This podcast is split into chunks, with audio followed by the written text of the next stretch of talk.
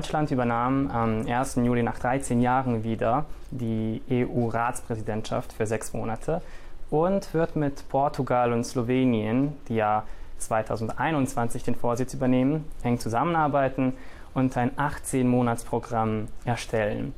Welche Aufgaben wird Deutschland während der Ratspräsidentschaft und im Rahmen dieser Trio-Präsidentschaft erfüllen?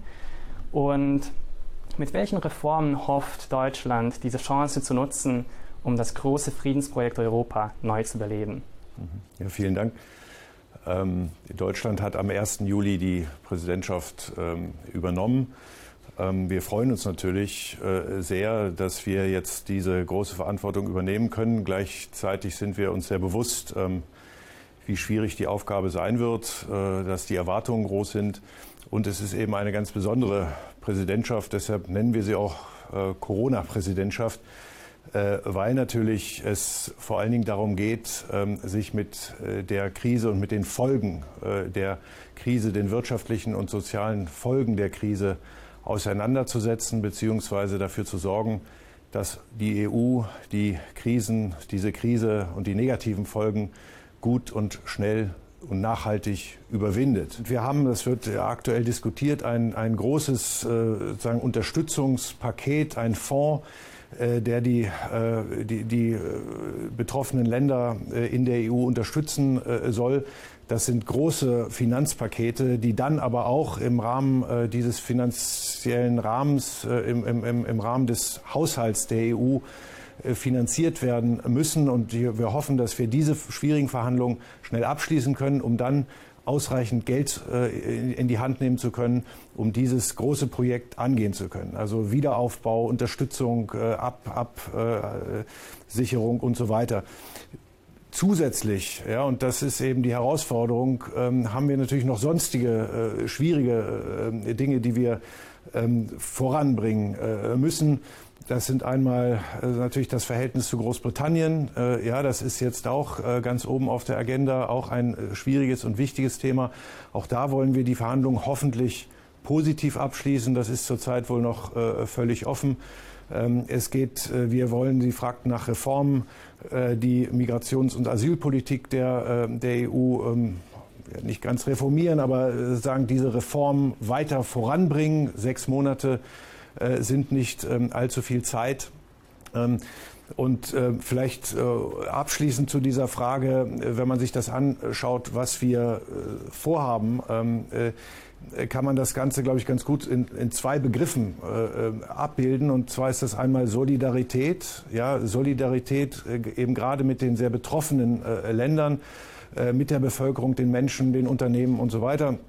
Und zum Zweiten Souveränität. Ja, äh, äh, wir wollen Europa wieder stark machen. Und, und das ist eben auch das Motto, äh, gemeinsam Europa wieder stark machen. Das ist das Motto äh, unserer Präsidentschaft. Darum wird es in den sechs, nächsten sechs Monaten gehen. Solidarität, den Menschen helfen und zum Zweiten Europa auch international wieder stark, stärker machen. Und es klingt so ein bisschen abgedroschen, aber es ist trotzdem sehr wahr. Wir wollen diese Chance eben auch nutzen. Ja, nutzen, um Europa ja, wieder stärker zu machen, auch auf internationaler Bühne. Und zu Beginn der Corona-Pandemie haben Serbien und ihr Land eine erfolgreiche Zusammenarbeit in die Wege geleitet, was äh, die Organisierung humanitärer Flüge anbelangt, damit deutsche wie auch serbische Staatsbürger wieder mit ihren Familien in ihren Heimatländern äh, vereint werden. Ähm, welchen Beitrag hat dabei Ihre Botschaft geleistet? Ja, das war äh, weltweit äh, für die deutschen Auslandsvertretungen ein Kraftakt. Ich muss eigentlich sagen, für viele noch ein viel größerer Kraftakt als für uns. Ich, die Zahlen, ich glaube 240, 250.000 deutsche Touristen sind da weltweit äh, zurückgebracht worden. Das ist ja sozusagen unvorstellbar. Äh, wir waren hier in einer vergleichbare, äh, vergleichsweise äh, leichteren Situation, weil es einfach nicht so viele Touristen gab ähm, in der in der Zeit. Ähm, aber wir haben doch einige ähm, Rückflüge mit organisiert. Ähm, ich glaube, das hat insgesamt ganz gut geklappt. Wir haben hier sehr, sehr gut zusammengearbeitet mit der serbischen Regierung, insbesondere mit dem, mit dem Außenministerium. Und gut war, dass die Flüge, also sozusagen, dass wir es dann auch geschafft haben, wiederum serbische Staatsangehörige nach äh, Serbien zurückzubringen. Und wir haben hier sehr äh, ganz prima äh, zusammengearbeitet. Also das war schwierig, aber hat äh, am Ende doch äh, gut funktioniert. Klimawandel und der Kampf gegen den Klimawandel, das ist doch äh, eines der zentralen Themen Europas für die kommenden Jahrzehnte sogar. Ähm, und auch Kommissionspräsidentin Ursula von der Leyen hat im Dezember einen sogenannten European Green Deal vorgeschlagen. Ähm, wird Ihrer Einschätzung nach der Klimaschutz wirklich eine zentrale Rolle spielen können in den kommenden Monaten? Oder wird er zugunsten der Stabilisierung der Wirtschaft doch in den Hintergrund gerückt werden? Ja, ich glaube, wir haben da gar keine Wahl. Ja, ich glaube, der Klimaschutz äh, muss und wird eine ganz zentrale äh, Rolle spielen. Ich sagte ja schon, wir müssen die Krise eben auch als Chance nutzen.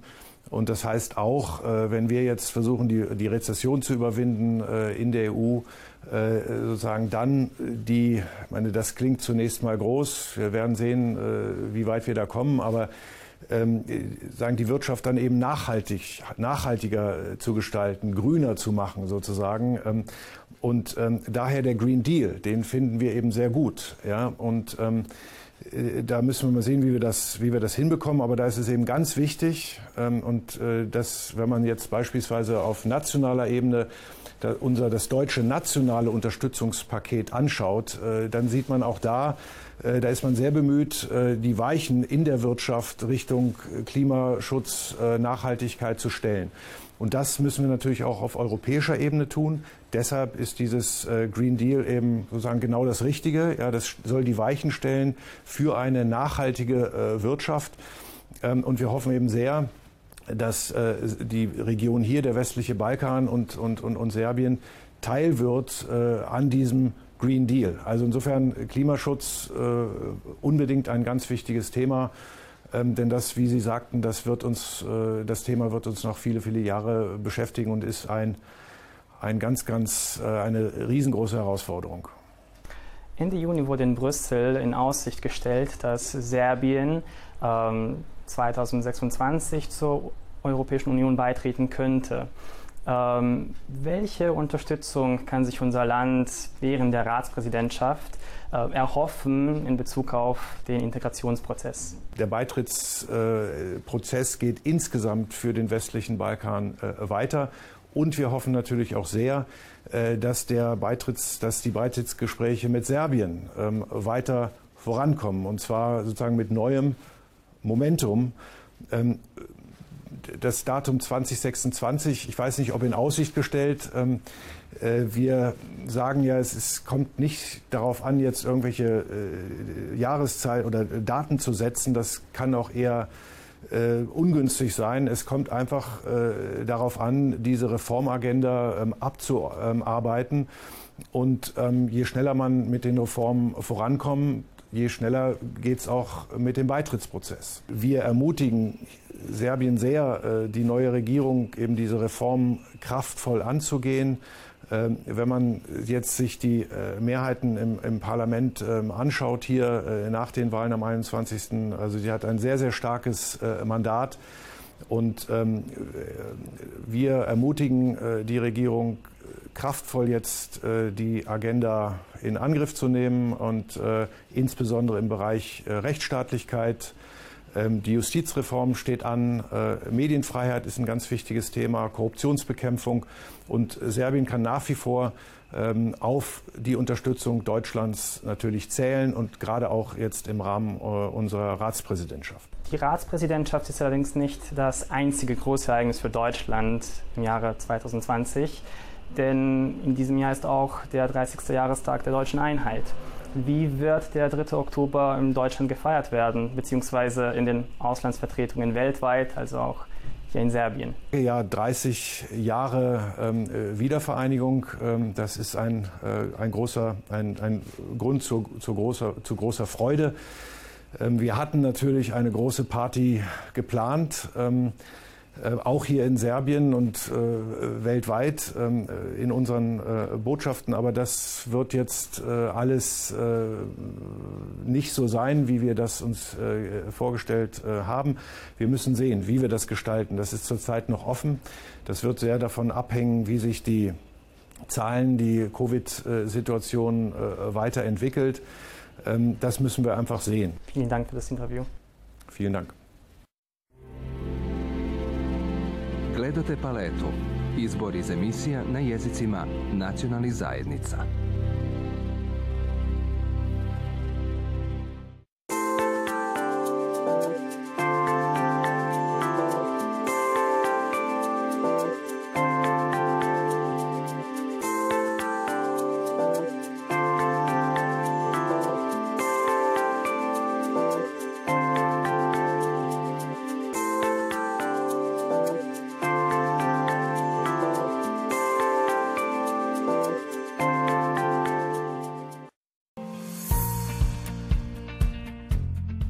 Ivan Blasenko.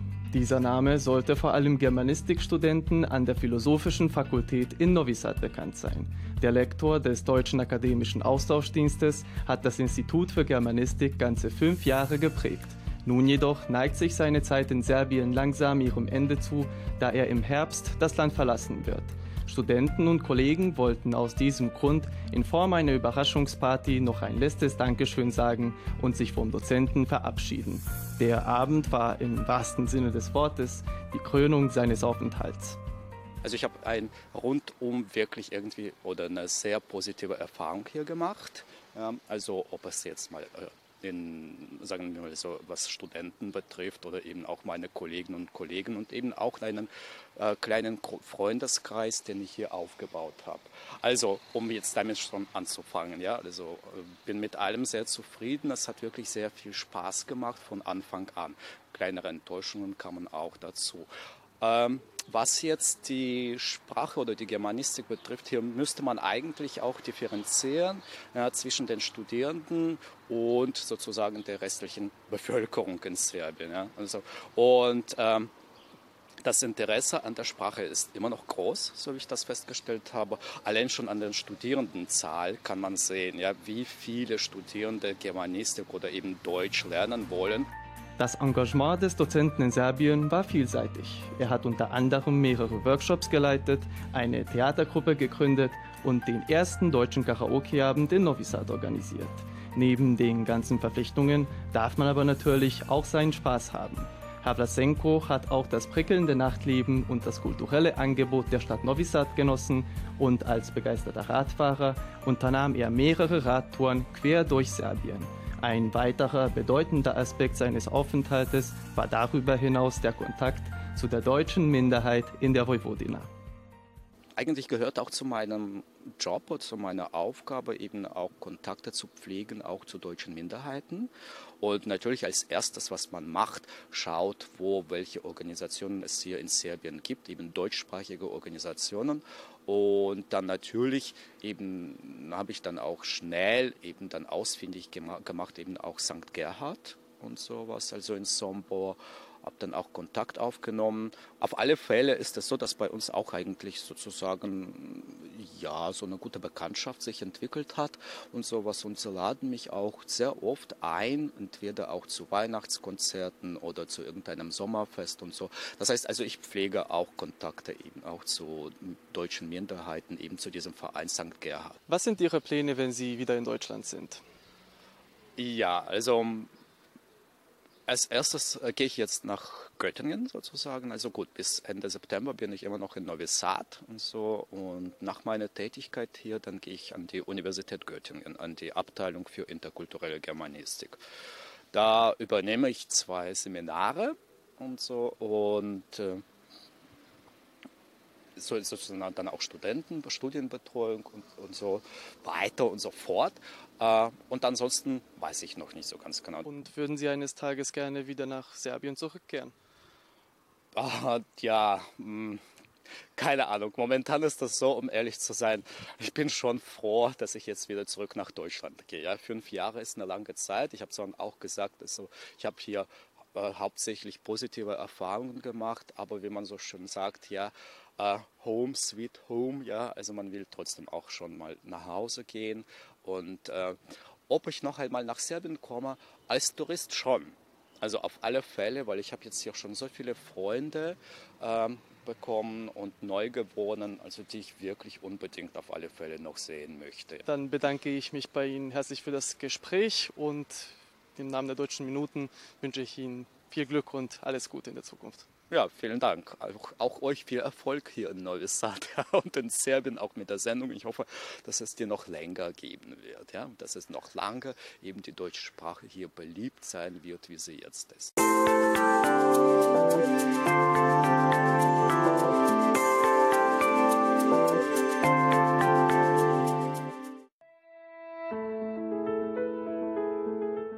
Die Pandemie scheint in vielen Regionen allmählich auszuklingen, sie hat aber dennoch Spuren in der Berufswelt hinterlassen. Aus diesem Grund war auch die Filmemacherin Frau Eva Hübsch dazu gezwungen, einige Änderungen in ihrem Zeitplan vorzunehmen. Insbesondere die Vorführung ihres Films Spiel des Schicksals war unter solchen Umständen für eine lange Zeit ungewiss. Aber wo wir schon beim Stichwort Schicksal sind, was hält nun die Zukunft für den Dokumentarfilm bereit?